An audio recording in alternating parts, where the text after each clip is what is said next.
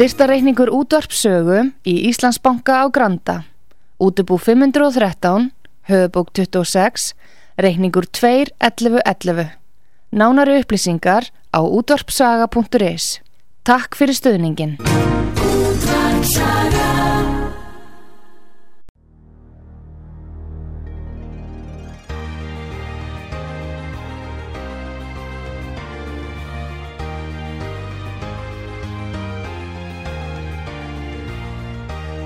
Heimsmálinn í umsjón Pétur Gunnlaugssonar.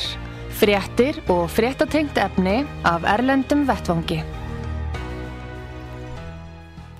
Góðir uh, hlustendur, þér að hlusta á útvarpsögu, ég heiti Pétur Gunnlaugsson og ég ætla að ræða við hann Gustaf Skúlason, okkar mann í Svíþjóð. Sæl og blessaða Gustaf. Já, kom, nú var blessaða Pétur og hlustendur sögu. Nú gleðileg jól, Gustaf. Já, gleðileg jól og hérna við kjaldum upp á jólina íslenskun síð. Já. Órabeinir, maltappi sín og svo sögulega gott hangi kjött frá Íslandi sko. Já. Þannig að það er allir voðalega haf mikið samar í minni fjölskyldu. Það er gott að heyra.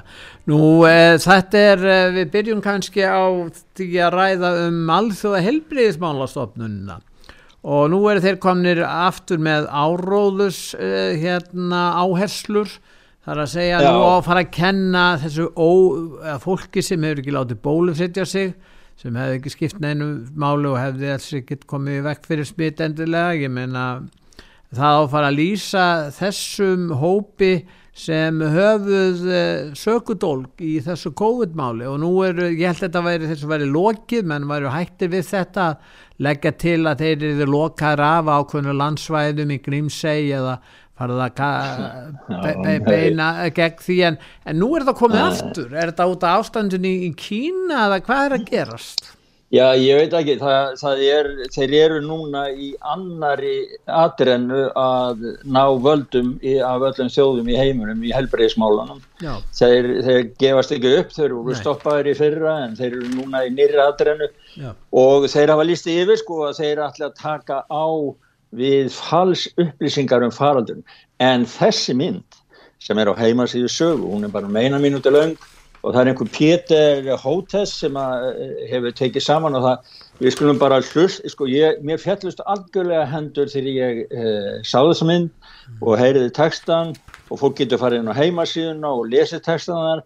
Ég, ég hugur minn leita bara til að, að, aðfara nazista gegn geðingum á sínum tíma, mér sínist að það er að æsa upp bólusetta gegn óbólusettum, en hlustundu geta dæmt sjálfur, við erum með hlóðbút frá myndinni. Já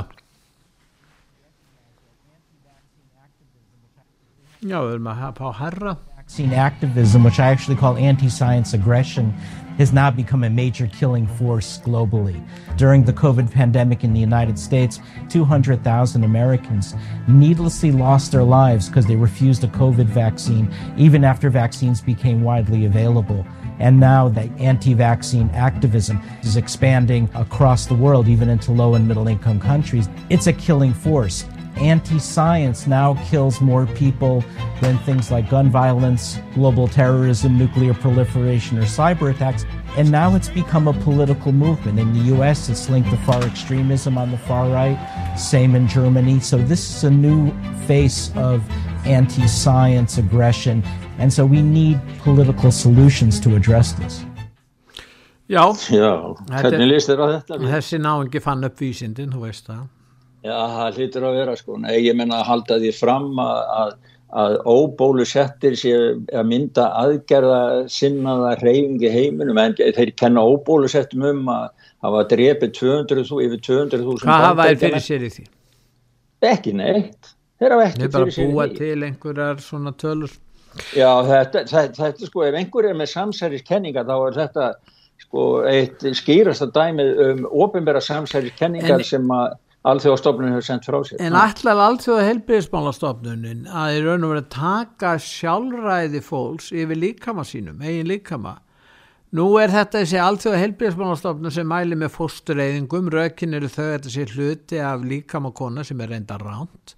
En svo í þessu málum þá að taka sjálfræði fólks yfir eigin líkama uh, hérna í, nánast á flestum sviðum og þjóðríkin er að framselja ríkisvald til yfirþjóðleira stopnuna sem heitir Alþjóða helbriðsmálastofnun sem er í að hluta til í eigu engaðila ótrúlegt en satt. Já, þetta er alveg ótrúlegt og það er sko, þetta kemur á sama tíma rétt eftir að Bill Gates og John Hopkins og þeir sjálfur alþjóð helbriðismálastofnun voru með æfingu eins og við rættum síðast gegn einhverju nýjum vírus sem á að vera eh, hádrepandi og ráðast aðalega börn og, og eh, sko þetta er, þetta er Þetta er svo skjálfilegt, þeir settu þetta út á Facebook og samfélagsmiðla í nafni stofnunarinnar og það er, sem sagt, bóðskapurinn er stimplaður af stofnunin með þeirra merki og öllu, þannig að þetta er alvöru, alvöru bóðskapur frá þessum alvöru, en það bara sýnir sig að þessi alþjóðstofnun, hún er ekki, það er enginn sem kýsi hana, er engin, þetta er ekki fulltrú á fólksins, hvorki í bandaríkjumum nýja annar staðir í heiminum er, þessi stofnun er komin í vasa Bill Gates og Melinda Gates Foundation Já. og, og, og, og e, mér hefur nú ótt verið að hugsa um það því að það er stundum tala um það þegar e, ríkið eða fólki er að gegnum ríkið að fá einhverja aðstóð eða eitthvað þá er það að greiða það vel fyrir það svo að fólk sé ekki mútuna bært, bært frá einhverja aðlum sem að bara að dreifa peningum alla jarði þess að kaupa sér bæði stöður og áhrif og annað eins og Bill Gates.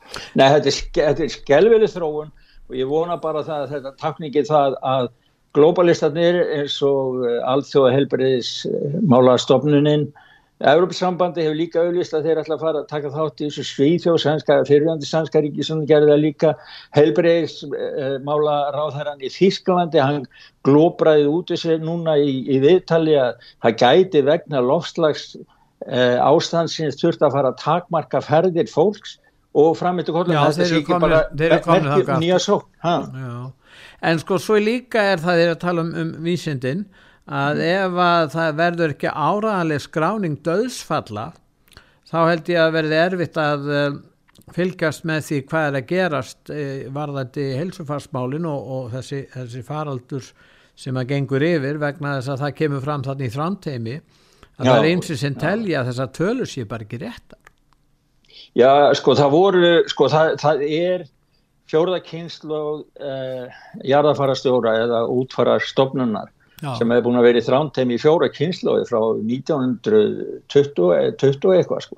og búin að ganga í gegnum báðar heimstýrjaldundar og e, þeir hafa verið með auka viðbúinar fyrir stóðslýsum og annað og það hefur aldrei áður í sögu þessara útfarastofnunar í þrántæmi verið eins mörgdu andláð eins og núna og þeir, hann sagði það sem sagt eh, fórstuðum maðurstofnunarinnar að þetta væri um 30% aukning sem er náttúrulega alveg gríðarlega mikið en síðan er, fóru gammal sér bæði hjá uh, eh, TV2 og öðrum blöðum hann þetta var náttúrulega svæðisbundið hann í þrámteimi að þá er sagt að samkvæmt tölum norsku líðhelsum að séu 16% umframdöði þrámteimi og þú mannst kannski við vorum að ræða 13% um daginn og það er sem að tali gríðarlega mikið á þeim stað þar sem við rættum að vegna þess að þá var meðaltali frá árið til árs það var að milli 1 og 2% þannig að það er alveg sama þó við notum stóra tölur eða litla,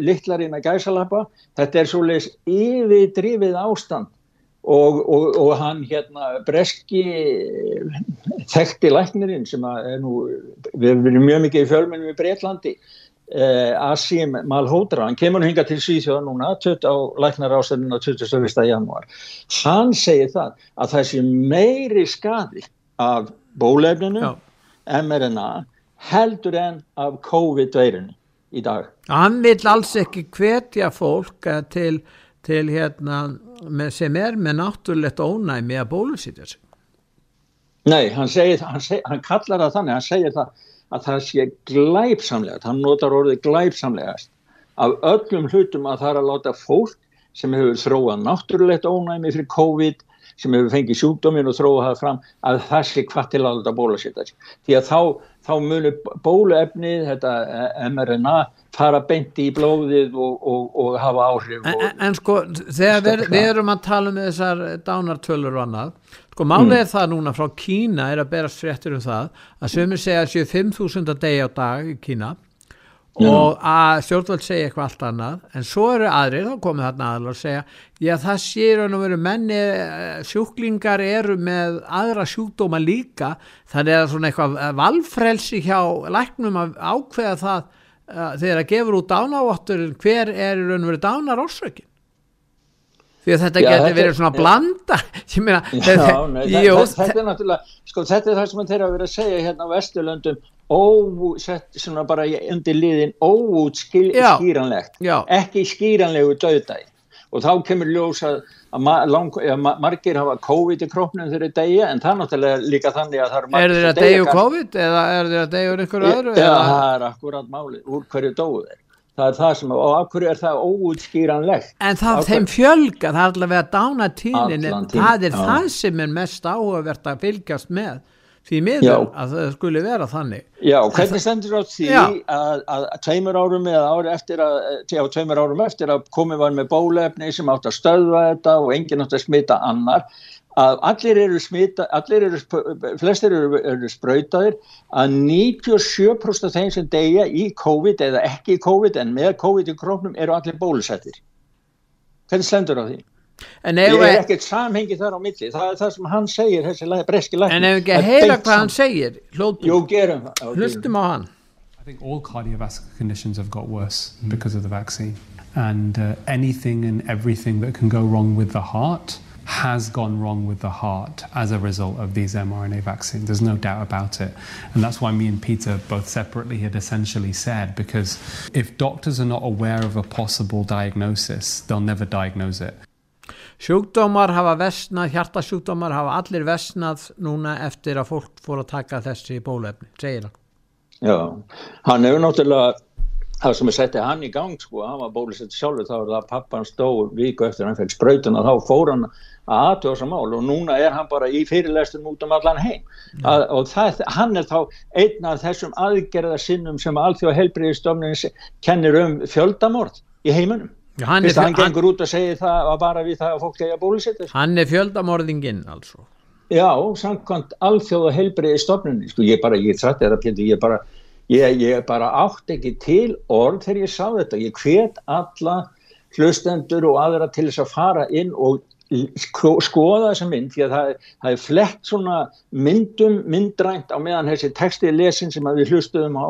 Þetta, þetta er bara, þetta er bara, bara nazis, hreinræktaður nazist en fólk á svo erfitt með að trúa þessu hvað er að gerast hjá í, í, í sambandi við allsjóðavæðinguna en það er til dæmis ágætt grein á vefsíðunni útvarsaga.is það sem fjallaði um globalism það sem að nokkru álýtskjafar sænskir er einmitt að fjalla um þetta og, og er að útskýra hvernig al, alheimstjórnin er að taka á sig mjög ákveðna mynd sem er raun og verið skelvilegt að horfa við skulum, hva, hvað segir um þessa hérna, umræðu?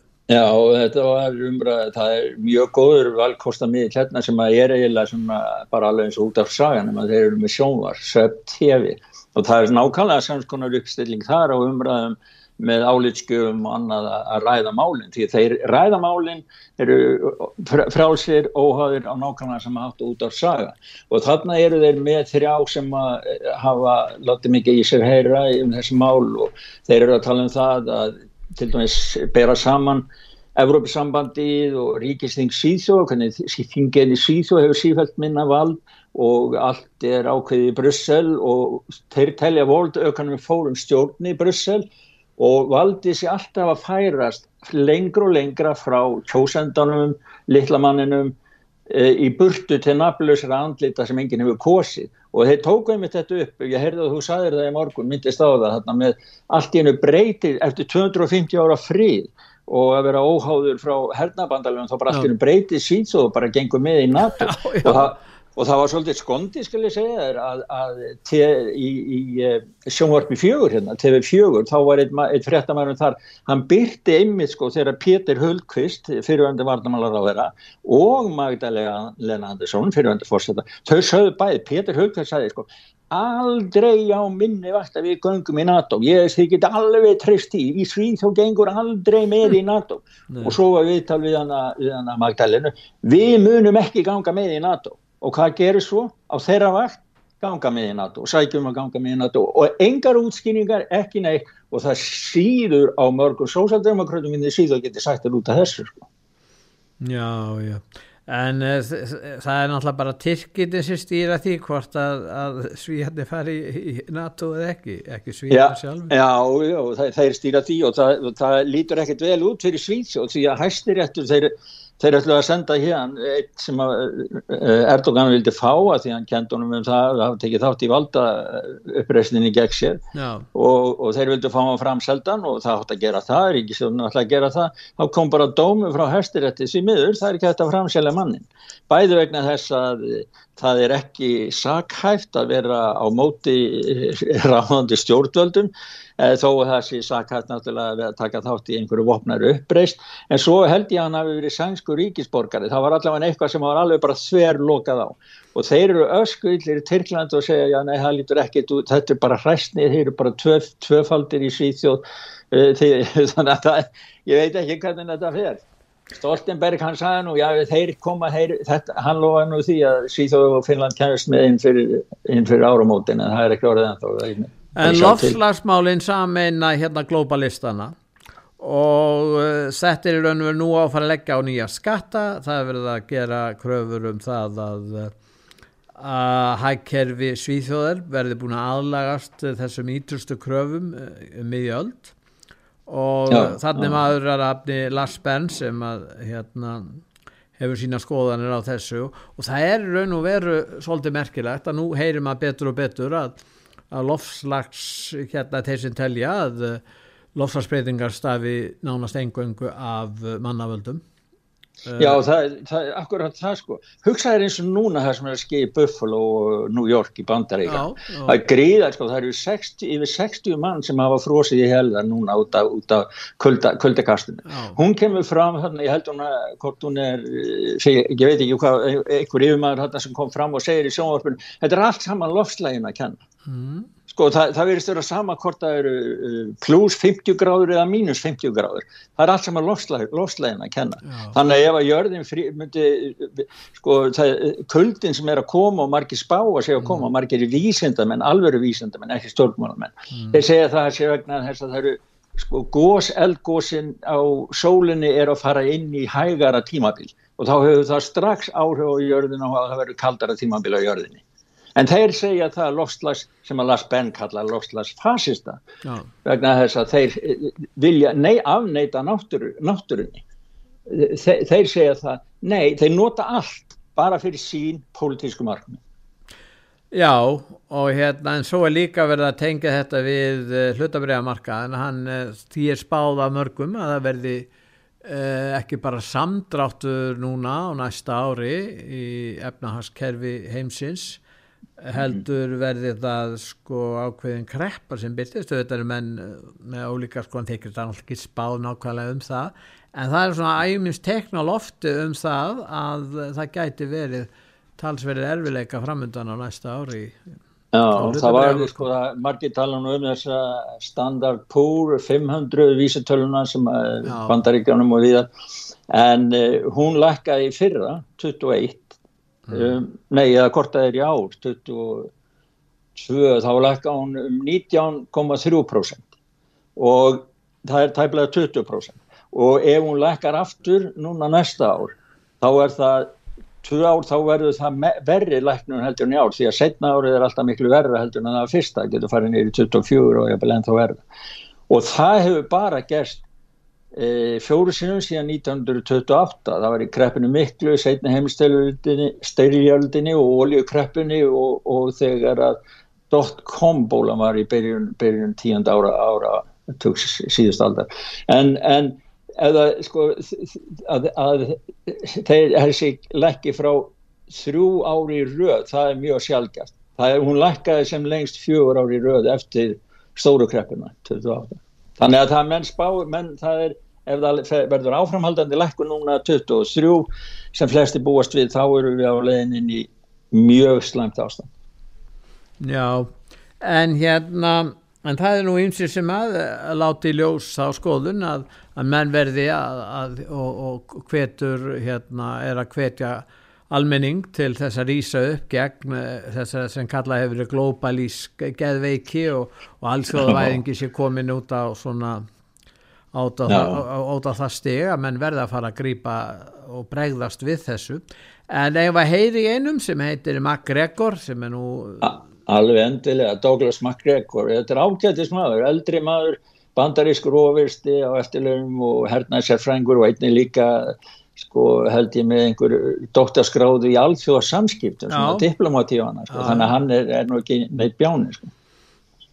There's always this intention to confuse contemporary Russia, which is an Orthodox Christian state, with the Soviet Union. This is not the Soviet Union. Does not embrace an ideology of relentless expansion. There is no revolutionary current in the uh, Russian mindset today. Russia simply wants to survive and do business with its uh, neighbors in most cases. I, I, think we've done ourselves a terrible disservice by misrepresenting Russia. And of course, you know, people will say, well, it's it's autocratic. It's not sufficiently democratic. Well, I could find a lot wrong with our alleged democracy here in the United States. So I, I guess my problem has always been with the simple truth that if you live in a glass house, you shouldn't throw stones. We are by no means perfect. Why are we insisting that everyone else have to be perfect or then we treat them as an enemy?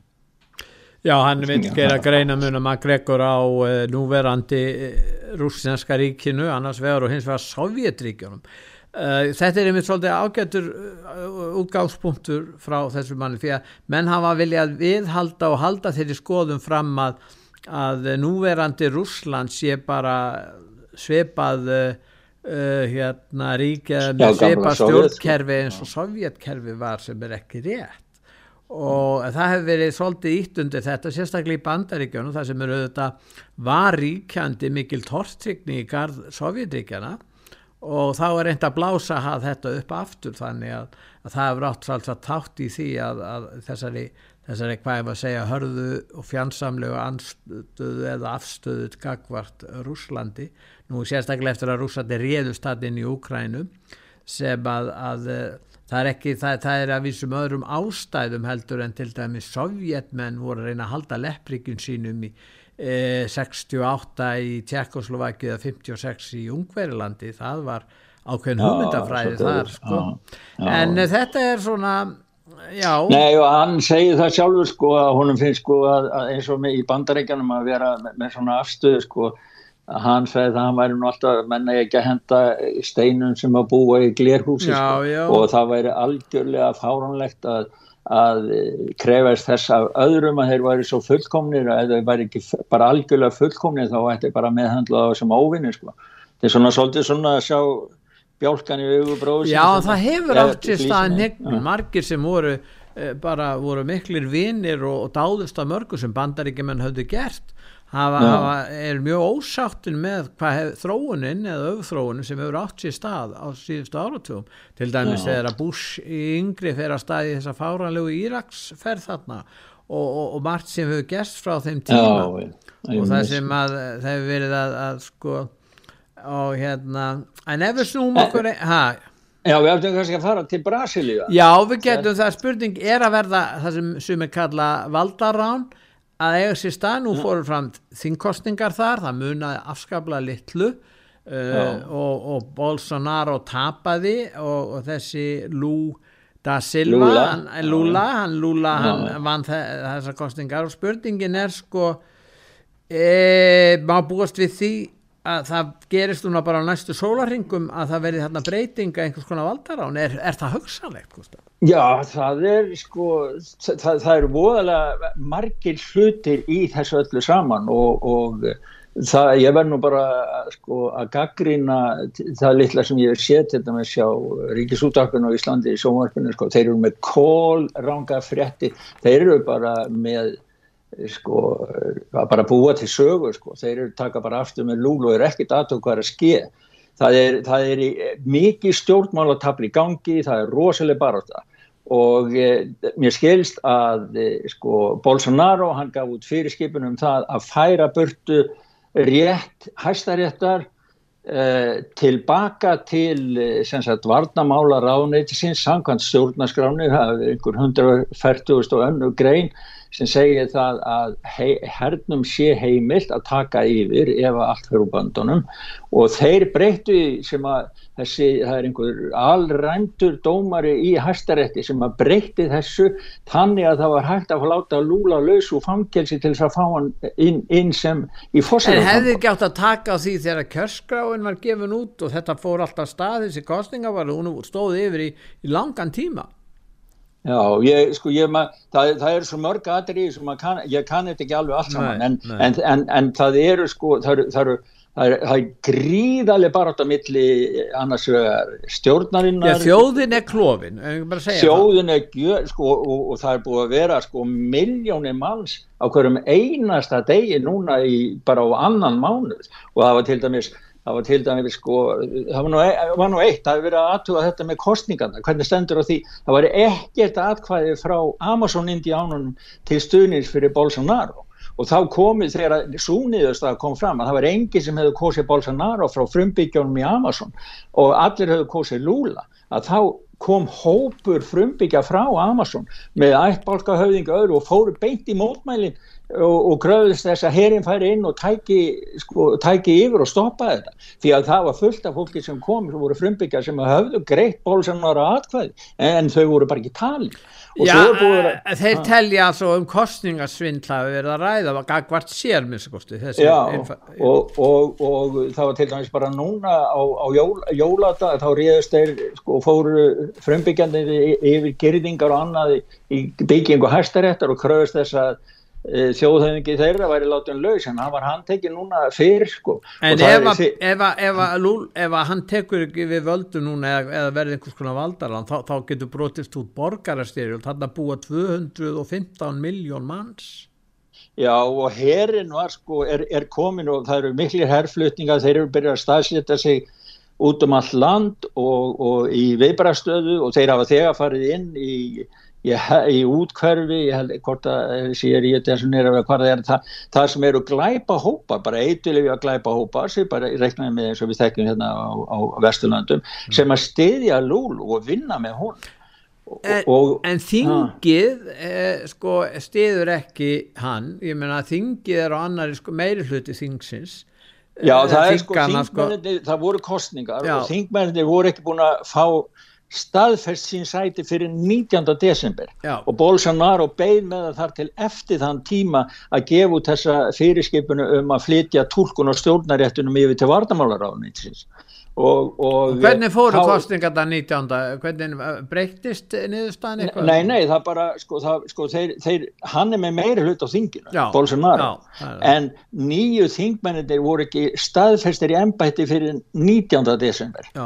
þannig að hann, hann beigð með að gera þessa tilskipinu um, um uh, fæsluna þarna til valdana til vardamálaráðnitsins mm. þar til eftir 19. desember og hann á samkvæmt, sko hefð þá á hann að vera farin úr fórsetahöllinu 15 dögum fyrir næsta fórseta sem tekur við 1. janúar tekur... og núna er komið 27. desember og hann er enni fórsetahöllinni Þannig að það er, það er núna á sunnudag sem Já. að Lula kemur með sínu fylgdaliði að fórsetahöllinni og bankar á, á, á hörðina og segir ég er komin, ég er nýju fósittin ja, trúlega og hann sko Lula er, með, er, með, er, er að byggja upp eigin svona gestapó hér með, hann er með, með sko er allar að byggja upp eigin deilt, hann er lístið yfir og hann tekur bæði allríkis lögurmenn, eigin, eigin glæpamenn og aðra allar að byggja upp eigin, eigin hér því að hann treystir ekki hér Brasili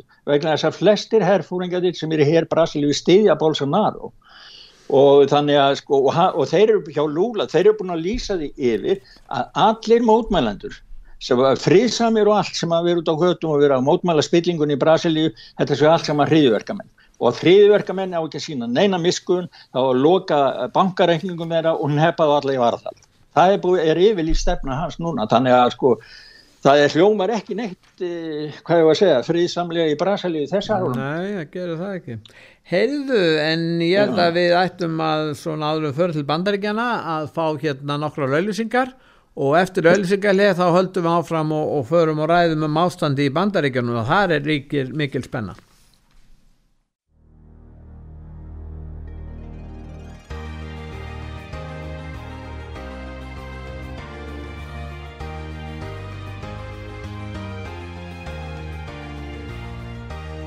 Heimsmálinn í umsjón Pétur Gunnlaugssonar. Fréttir og fréttatengt efni af Erlendum Vettvangi. Góðir hlustendur, þér að hlusta á útvarpsögu, ég heiti Pétur Gunnlaugsson og ég er að ræða með hann Gustaf Skúlason í Svíþjóð. Nú, Gustaf Selenski fór til mm. Washington að ná í meiri pening og uh, þingið samþykti núna uh, í þessum stóla pakka, það fara 42, uh, já, 40 til 50 biljón dollarar í þetta sinn, að það gerir 100 biljónir á þessu árið, það er hansi góð uppæð sem að fer þangað. Og hann mm. óskar eftir meiri það fyrir utan hernar aðstofu annað. Og hérna nú þingi samþykti þetta. Nú republikanar eru miklu stundinsmenn flestir þeirra, Úkrænu og eins og demokraterna nema það voru hérna sjö þingmenn sem að neituð að uh, eh, rísu sætum þegar að uh, Selenski kom inn í þingið kongress Uh, já, og það, það var lítið á þá sem einhvers konar svikara við, við, við, við rétta málstaf eins og við verða sko. En þetta já. er að deila, þetta er umdeilt innan republikanaflokksins en, en meirlutin vil samt styðja þetta. Þannig að, hann, já, þannig að hann hefur þarna yfir, já, þannig að, að eh, hann er í raun og veru með mikinn stöðning hann selenski í bandaríkjónum Það hefur mikið verið rætt um það fyrir vestan eh, meðan hans Tök Karlsson og Fox News og fleiri í sambandi við, við sko því að sumi fjölmjölu eins og Newsweek þeir byrtu lista yfir svikarana sjö sem, sem stóð ekki upp eða klöppuð ekki að nægilega miklum ákafa eða jafnvel mættu ekki eins og Josh Hawley. Josh Hawley sagði það að hafði það þá útskynningu fyrir því að hann hefði ekki mætt þegar Selenski kom og hann sagði ég vil ekki lenda á ljósmynd þegar við erum að taka ákvörðun að maður gefa svona mikla peninga án þess að það sé nokkuð krafa um það að það sé gert grein fyrir því hver, í hvað þeir eru notaður Já. og þetta finnst mér nú vera sæmilega góðu punktur því þarna verið að eigða skatt fyrir borgarna og það, það sem við erum rætt mikið um það er það að þetta var bara eins og sko allir þeir sem að horfa á þetta geta séð hvernig þetta var. Menn stóðu upp og klöppuð það takna aldrei klappið og hórarhópið hann gekk inn. Ég lísti því bara við eins og þeir hefðu bara séð það hefur verið frelsar í Vesturlanda sem hefur gengið hérna inn í salin aðri lýsa þessu nú við aðra betur aðra og þekta bæði í Norður Kóru og, og hérna gamla Stalin og, og Tökki Karlsson bylti nú á myndbandi bara be, be, gerði beina samanbörð á, á gamla sovjet þegar kommunistarnir stóðu upp en, en þú veist að Gustaf Karlsson hann er þessi takkar, hann er í algjörðu minnilhuta ég er svolítið hissaði að spurningin hvað hva fokkstöðin gerir í, í sambandi við þessi umari því hann er mjög harður anstæðingu þess að bandaríkja menn skuli hafa nokkur afskipti af þessum málum Já, þegar hann ekki bara eftir þeim skoðanakonunum sem sína það meiri hluti bandaríkjum hann finnst það bara að vera út í hött að bandaríki sé að skipta sér af þessu stríði En þingið er á annari skoðun. Það það Já, sem þeir sem eru í stjórnmálan þeir sem eru í flokkunum að sitja á þinginu. En eru þeir að fara eftir vilja þjóðar ekki samkvæmt skoðanakonunum ekki samkvæmt því sem að En eigum við ekki að hlusta Gustaf á, á hljóðbút með einu, það er eitt svikarinn þar mættur. Hann já, heitir hérna hann heitir Matt Getz já Matt Getz Matt Gaetz is one of the very few members of Congress, as noted earlier, who didn't follow the rules and stand up and applaud like a seal as the foreign leader in a sweatshirt lectured our country. He joins us now to explain his thought crime. Matt Gates, thanks so much for coming on. I mean, I feel no compunction to go out and applaud some foreign leader from a historically corrupt country who is begging for more than the $100 billion that the Congress has already set to send them. Now, when President Trump said that America would never be a socialist country, you saw Democrats sit on their hands. But when we say you shouldn't send endless amounts of money to this place where we are exacerbating death and conflict, it's like we're traitors to the movement because Lauren Boebert and I didn't stand up in some sort of North Korea style performance. I'm not sorry that Lauren Boebert and I won't stand for it. Já, hann eh, ránaði með það að ekki staðið upp og telur að eh, hérna að veri sé að fara illa með þessa fjálmunni og hann hérna já og, og, og eh, þetta er svona tótin í, í hans viðhorfi og, og hann líkir þessu líka við það þegar að bandaríski demokrater eh, vildu ekki rýsa upp þegar að Trump lísti því yfir að, að bandaríkin eru aldrei sósialist ríki. Já, já. Þannig að það er sko það er það, akkurat það sem þetta snýstum en það sem að, í mínum eirum þá hljómar þetta þannig þetta klapp til að miða við þessar sögur sem við höfum verið og þessar fretti sem hafa komið frá bandarækjanum að, að það hefur verið peningaþáttur í skattfér sem er sendt til og ekki gert grein fyrir í hvað fer sem er sendt til Úgrænu að plutur af því kemur tilbaka í gegnum peningaþótt þannig ég held að margir af þeim sem voru hann inn í salnum og klöppuð hægt hafa bara verið að klappa fyrir því að þeir hafa fengið geta stólið peningum að skattgrein Það er, það er mín tilfinning fyrir þessu mánu Já, það, Já. það er nú eiginlega það, það er nú það sem stjórnmálum en gera er það ekki, er það ekki? Já, ekki þeir sem eru heiðalegir ekki þeir sem eru the untouchables Já. sem eru því miður bara teljandi En það er aðdeglisvert líka hvað til dæmis Elon Musk eftir hann tók yfir Twitter og og hann, hann er að afhjúpa í þessum Twitter skjölum, þetta er mjög merkilega skjöl, hann afhjúpar innan gífulegu spillingu sem ríkir innan kervisins þar sem að bandaríska alrikisjónustan og ofinbæra stopnarnir er, er að starfa er að starfa með Twitter á þeim tíma til að fela alls konar upplýsingar meðal annars um svon hérna Bidens. Þannig að, að þetta, er, þetta er náttúrulega og síðan var fósitt í bandaríkjana jafnvel flæktur inn í þetta og þáverandi Obama. Þannig að, já, það, það, það er að koma svo hrigalega mikið. Það var til dæmis í gæri þá var verið að, að, að ofinbera nýgögn og þar kemur í ljós að Twitter sko þeir voru, þeir unni ekki bara með FBI og, og Ríkistótt bandaríkjana heldur gæti kvítahúsi ringtið og þeirra voru svona það sem þeim fannst þeirra slæmar upplýsingar. Þá fóruður inn og þeir voru með bæði, bæði eigin prógram fyrir það og einni einhverja verktaka sem að fóru inn og breyttu vísendalegum lækna skýslum sem komi með óþægilega niðurstöð sko þetta er, þetta er sko það var ekki, ekki lengur verið að bara breyta eða stoppa eða loka á reikning einhverja sem eru óþægilegir eða eitthvað svolítið, heldur þeir fóru inn og breyttu niðurstöðum og útskýringum há vísendalega lækna skýsla og þetta er náttúrulega sko, þetta er sko glæpur af þeirri gráðu sko að það ætti, ætti bara að taka allt þetta lið og setja það bara á kvíabryggið einhvers það sko. Já, já, já En, þetta var að koma núna í gær sko. já, til viðbútar við allt þetta sem að þú varst að segja sem að, er, sem að margir skilja ábyrgi ekki ennþá en þetta, þessi afhjúbanu tvittir er uppljósunum um djúbriki í bandaríkjónum hvernig spilti stjórnmálamenn hafa komið í fyrir að ríkistofnarnir eins og FBI og, og, og dónsmálarániti og aðrir, þá hann til dæmis sko eru, eru notaður í pólitískum tilgangi til þess að hefna sín á stjórnarnanstæðingum það var til dæmis hérna að, að eh, Obama það er einn greina þessum það að hvort að hans er arkitektina djúb, þessari spillingu allri því að, því að, að hann samþykti lög þar sem að það var gert að skildu, hann, hann, FBI var búin að byggja um þetta mörg ár en hann breyttu lögunu þannig að í raun tíma þá vera starfsmenn fjöldastofnana að, að gefa skýstur. Það er ekki tilskipun frá honum bara? Jó, tilskipun honum. Það er númer á hann og allt sko. Já, sko, það sem hann gerði var að enga fyrirtæki, sjálfsegnastofnanir, ráðuneyt og stofnanir á mm. aðrir aðilar uh, verða að geta deilt upplýsingum er tengjast neturugin, það er að segja enga fyrirtæki pluss ofinbjörn fyrirtæki. Hann, Obama, er að tengja þetta í eitt pakka ja og það gerðist einmitt varðandi hérna bætinmálið þar að segja Já. þeir eru farin að vinna saman ríkið má ekki vinna með ákveðnum enga aðilum til þess að stundar ákveðna rítskoðun og standa fyrir því eins og FBI gerði í þessu uh, þar sem að, að, að FBI stóða ólöglegri alríkislöglan rítskoðun og hann mm. etris hana og, og þá spurningin var Obama Hussein Obama Barackna var hann eh, arkitektin að þessu? Já og það, sko, þessi fórsendarskipur hans er tal, talin vera svo, það sem hafa leist þetta úr læðingu og gert þetta mögulegt.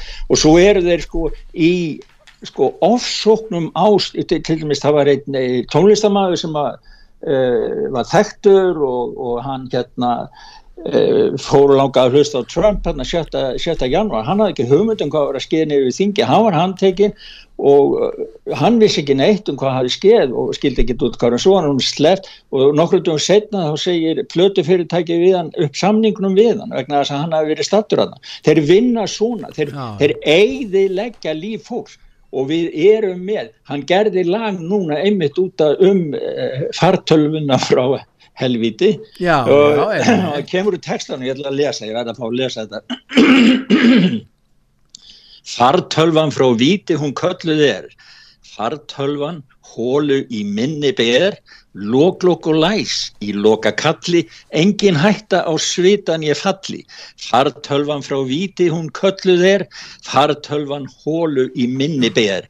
Kokain, kín og krakk eru á fínu myndunum frá Kína og Úkræn Það er maður að hlusta á þetta. Já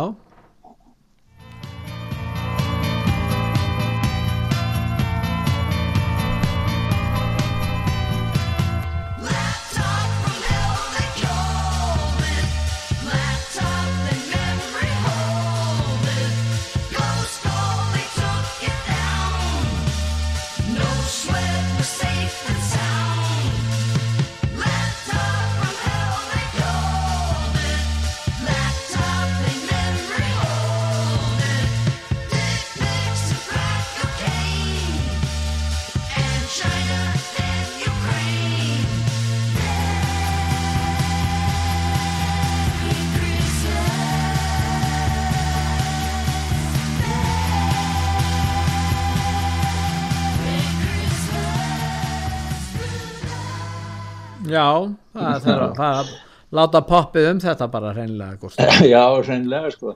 Nei, er kallið þetta Merry Christmas Guðlega Jólu Rúdolf sko með rauðan efið. Já, já, Rúdolf verður að vera hann líka í miðunni Herðu, en, en sko nú er George Soros og stofnarnir hans eins og Open Society þeir eru að fjármagna glæpahópa sem er í stríði við lörgluna, þetta er ótrúlegt en George Soros telur að eigi að dragu fjárframlöð lörglunar, hann stiður uh, kostingabaráttu saksóknara í ymsum borgum sem eru svona frjálslindir og vilja sko ekki beita mikill hörku gagvart uh, glæpahópum sem að tengjast einhvers konar mótmælum eða líta svo á að minnilhund og hópar eru fyrst og fremst fornalömp en ekki glæpamenn. Já, já, þeir, þeir voru sko þeir voru að koma með það sko að skattframtöl sanna það það er reyka því í skatt, ofenfyrir skattframtölum hvernig stofnun George Soros hafa gefið 10 miljónar dólara til glæpa hópa sem hafa unni gegn lögurflin árið 2021 og þetta er náttúrulega sko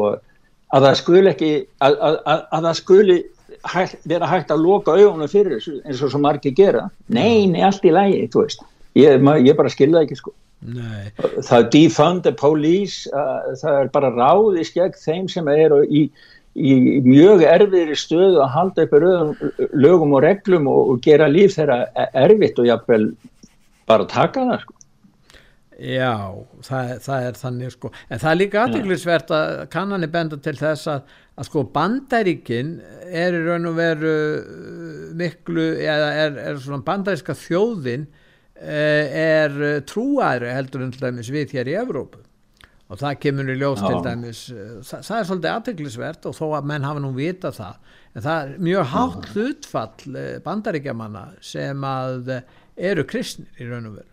Já, það var að koma ný konum frá Rasmussen Já. í bandareikjanum og hvort að sko, hver væri betri Jésús eða Jólasveit í, í, í huga fólks í, á tíma Jólan og þá sko þó að flesti bandaríkjaman vilji fá gladan nánga í rauðum Jólasveitna búin ekki heimsók þá telja samt flesti þeirra að jólinn snúist nú ekki jólasveinu heldur um, um þann sem að frelsa hann sem fættist í Betliheim þannig að, að kristindómarun er útbreytur 57% fullanuna bandaríkjamanna sögðu að þetta var í brennitefli jólana Jésús Kristur Við þurfum eiginlega að hoppa bara til Evrópu og Svíþjóðar, við höfum ekki mikinn tíma núna, við höfum kannski að sleppa Úkræn í augnablikki og förum bara til Evrópu. Og þar er stóra hérna vandamál Evrópu, Evrópusambansins það er að þeir verða fyrir svo miklum tjóni núna og út af þessum refsi aðgerðin gegn rúsum. Þetta er búið að kosta þá sangat því sem Bloomberg segir og Bloomberg Já. hefur nú verið eh, mikil stunnismæður Evrópusambassins og ekki er þeir nú að gera koma fram með fjandsamlega tölur. Þeir segja að Evrópusambandi hafi tapað trilljón dólarum Já, og það er það sem að, sko, þá erum við að tala um afleggingarnar af orkunni. Já. Þetta er orkun, ekki með neitt annars, skilur, Nei. allt sem er í kringum það, Já. kemur ofan á það. Já. Þannig að þeir segja, niðurst að Blomberg, þeir skrifuð þetta er dýfsta kreppan í áratíðu sem er bara rétt nýj hafinn, segja. Já. Þetta eru ekki góða fréttir fyrir næsta ár og eh, en það kallaði, hann kallaði Rúslandsforsiti Putin segir þetta að gerir í sambandi við gasi þetta sé bara brjálæðislegt. En það er aðdeglisvert að það er eitt stjórnmálamæður sem hefur nú verið, hann er, þó einhverju kalla hann einræðsera, hann hefur verið kjörinn í fjögurskipti, hann Viktor Orbán og var nú sósjaldemokrat en hefur svona svolítið fæst frá þeim viðhorfum. Hann er mjög ósáttur við það að vara fórsiti þingsins í hérna Evrópu þingsins skuli hafa hann að stólið eða fengið mútugreðslur upp á 90 miljón íslenskar og var með þetta í reyðu fyrir heima hjá sér. Og, það voru teknað myndir af þessu og pappen, papp pappi hérna var að fórsetta hans, hún er nú besta aldrei, hún á einhvern pappa sem var að fara með töskun út úr húsinu þá komu löglunar eh, á staðin, það er svona tókst á staðu var það, en ég minna hvers konar eh, og, og það Já, er eins og sem við viljum breyða yfir þetta, þeir eru að reyna að breyða yfir þetta í Európu, en Orban vil bara leysa upp ESB þing Já, hann vil bara, láta, hann vil bara, bara loka því, leggja það niður því hann segir það, það, það þurfi ekkit að vera að hafa þetta þing, því að sé nóg að vera bara með full fulltrúa sko, fulltrúa að þjóðsingin velji bara, bara fulltrúa Já. sem að hittist reglulega. Það þurfi ekki að vera með þessar kostningar þetta sé bara resni að vera með þetta og, og þetta er svo dýrt líka. Og það er sama til dæmis hérna núna er Svíþjóð eh, formaður í, í fyrir Európa-sambandi næsta, næsta halva árið sko. Og síðjóðdemokráta kom með það þetta væri svo dýrt að það ætti bara að leggja þetta nýra það þarf ekkit að vera að fara með þetta. Þetta kostar svíja yfir manni hvað sko, miljardi ofan á miljardi að standa fyrir þessu sko. þannig að það, þetta eru ég er bara sko, þetta er bara fólk sem er eins og Orbán, síðjóðdemokráta ekki meira bákn, ekki meira bákn báknir þennst út allan tíman bara og kostnæðurinn ykst. En það er svo dabulegt Gustaf að horfa á nýgnun ja. Evrópu, við sjáum Þískaland er nærri sko það er bara afinnvæðing þar í raun og veru. Við sjáum um Evrópusambandi, það er að festa lofslagsalræði í sessi og þvingar heimilin til að borga fyrir eigin kólefnislósun. Þetta kostar, við vorum að tala um triljónina út á orkunni, það er alveg sama hvar við lítum og síðan flótamannaströymurinn sem heldur áfram og þarf að borga og kosta, kosta það ah, ég meina vi, vi, og, og, og, og svo förum við til Bretland sem er nú reynda konur úr Európa-sambandinu þar, þar geta menn ekki hitta upp heimilis og ég var að sjá myndir frá, frá, frá, frá svona foodbanks sem eru svona hjálpar já, svona, eins og, svona eins og fjölskyldu hjálp fjölskyldu hjálp já. Já, já, þeir eru að og, og það eru þetta miljónir breyta sem treyst á þetta og hafa ekkert annað. Já, hugsaði þeim að, og það er eins í bandaríkjum, sko miljónum bandaríkjamenn sem hafa bara miða, þú veist, mata miða. Já, þeir eru alltaf haft það, sko, það, það er ég, þeir eru 40, Nei, þeir eru 40 miljón pluss sem fá mata miða það já, er ótrúlegt sko það, já, en þetta er eins og er að skeið hérna í Evrópu, þetta, þeir segja það það sem að skeiða núni í vetur, þetta sé bara forspilið af því sem er eftir að skeiða næsta vetur sko, þannig að það, sko, það eru engar fagra rattir og núna er til dæmis fjármálunemnd sænska þingsins kölluð á aukafund núna 3. 3.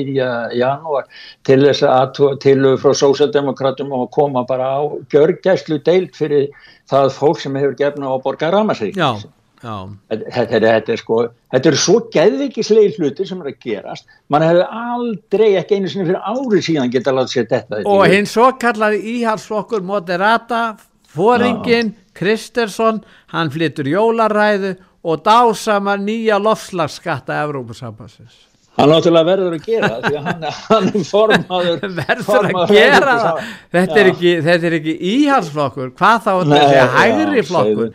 þetta er en bara hann, hann var með eitt, eitt góðan hluti í ræðinu sinni samt því að hann, var, hann, Já, hann talaði um að það hafa verið þrjú, þrjár kreppur, hann talaði bara um kreppu já, já. og, og, og eina af þessum kreppur sem hann væri sko, öryggismáli ástandi innanlands í Svíþjóð og hann var með góðan samanbörð því að hann bar saman söðu telji, það bæri hérna verið sunna Stokkólm, 77 stíbúar, það er jafn mikið ofbeldið þar og ég allir í London með 9 miljón íba. Bara til þess að fólk fáið svona smá skilning á því hvað þetta er út úr kú hérna í Svíþjóð. En Klaus Schwab hafa nú að bjóða honum Kistersson og Ríkistjórn Svíþjóðar til Davos til he heimsók þar og, og Já, já, skrifa honum persónulega undirskrifa. En þáðu þeir búðið, veistu það? Já, ég rekna með því. Ég, ég veit að, ég held að hans er búin að þykja, en það voru fleiri ráður um búðið líka, sko, þreymur eða fjórum öðrum við. Þetta kemur allt fram, þetta kemur allt í ljós. Er, ég held að ég fara til sko. En við ætlum að raun og vera að hlusta á, á jólávarpans Karls 16. Gustaf Svíakons. Er hann vinsæl, segðu mér það, er hann vinsæl kongur? Já, hann er elskar. Það, það skilja ekki allir þetta samspil millir sænsku konusfjölskyldunarinnar og, og Svíja sko. Þegar hann var 50, sko sænski sósjaldemokrater þegar það var barið hausinn bláan við veggin að reyna að losa sig við konungsveldið þeim eru aldrei tekist það. Nei. en þeir har alltaf verið að draga niður. Til dæmis núna er búið að skera niður uh, konungshúsið hafði held ég 6 eða 8 fánadag á árinu. Nú búið að skera á í 2 í staðin á að taka upp fána sérstaklega fánadag fyrir Európa-sambandi til þess að hitla inn að síða líðræði skilur en, en e, þegar hann var 50 ára þá flytt fættust þúsundir, tíu þúsundir, hundruð þúsundir svíja, allstaðar af að landinu sem komi hérna niður og fylltu göturnar í miðbæði Stokkonsel heita. Hann táraðist, konusfjölskyldan táraðist, því að hann sagði það og hann þakkaði þjóðinni svo vel fyrir þannig stuðning, því að það, að, það var mest aðgangur að hann þá að koma hann með börtu. Hann hefur spilað það svo fínt samspil, hár fínt samspil millir konusins drottningarinnar, fjölskyldunar og sænsku þjóðarsálarinnar.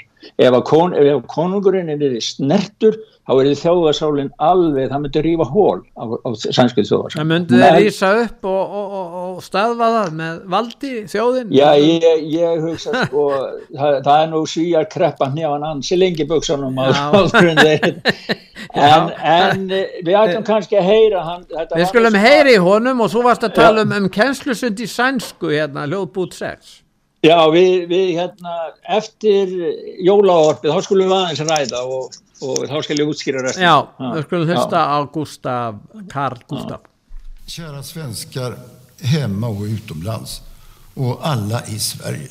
Från Stockholms slott till Ukraina är det bara 100 mil fågelvägen. Även där firar man jul.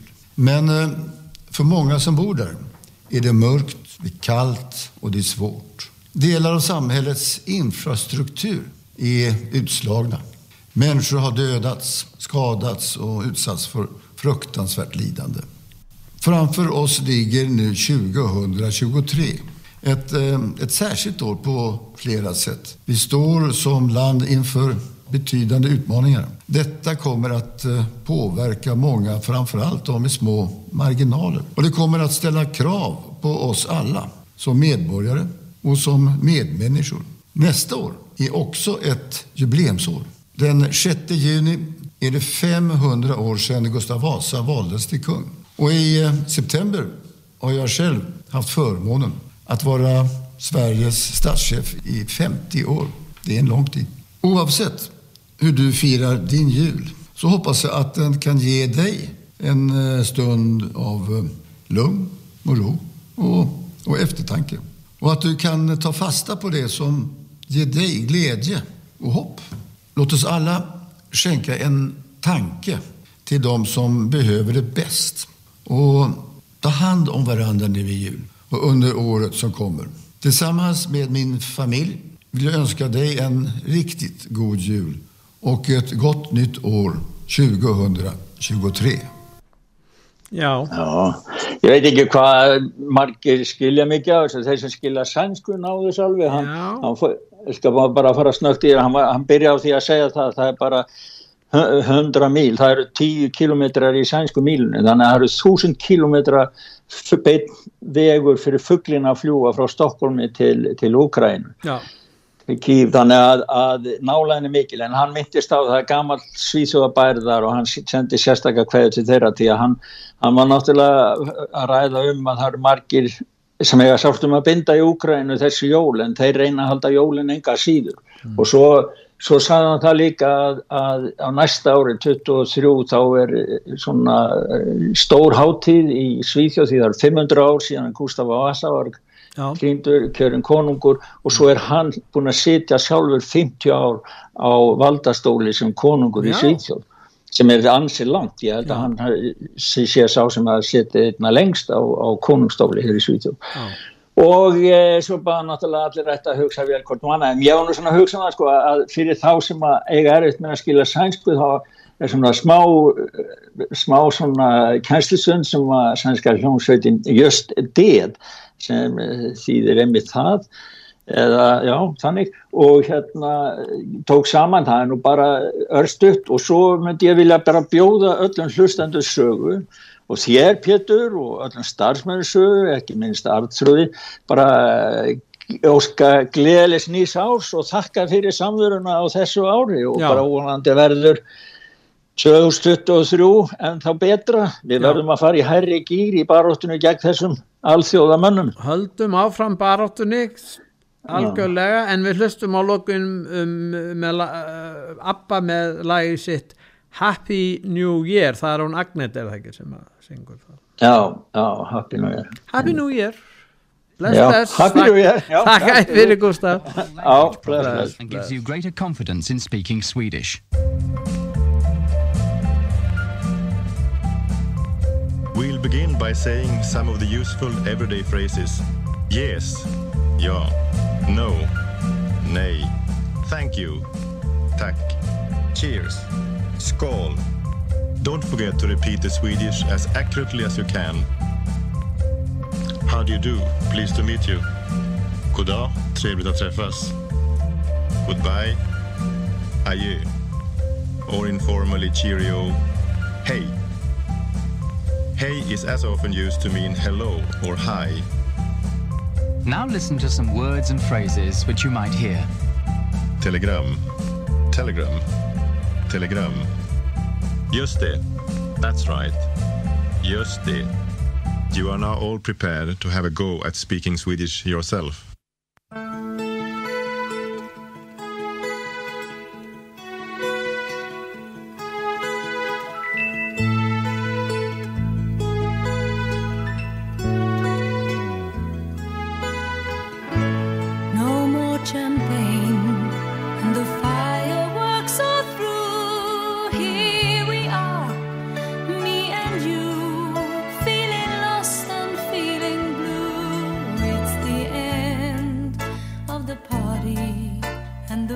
morning seems so gray, so unlike yesterday. Now's the time for us to say.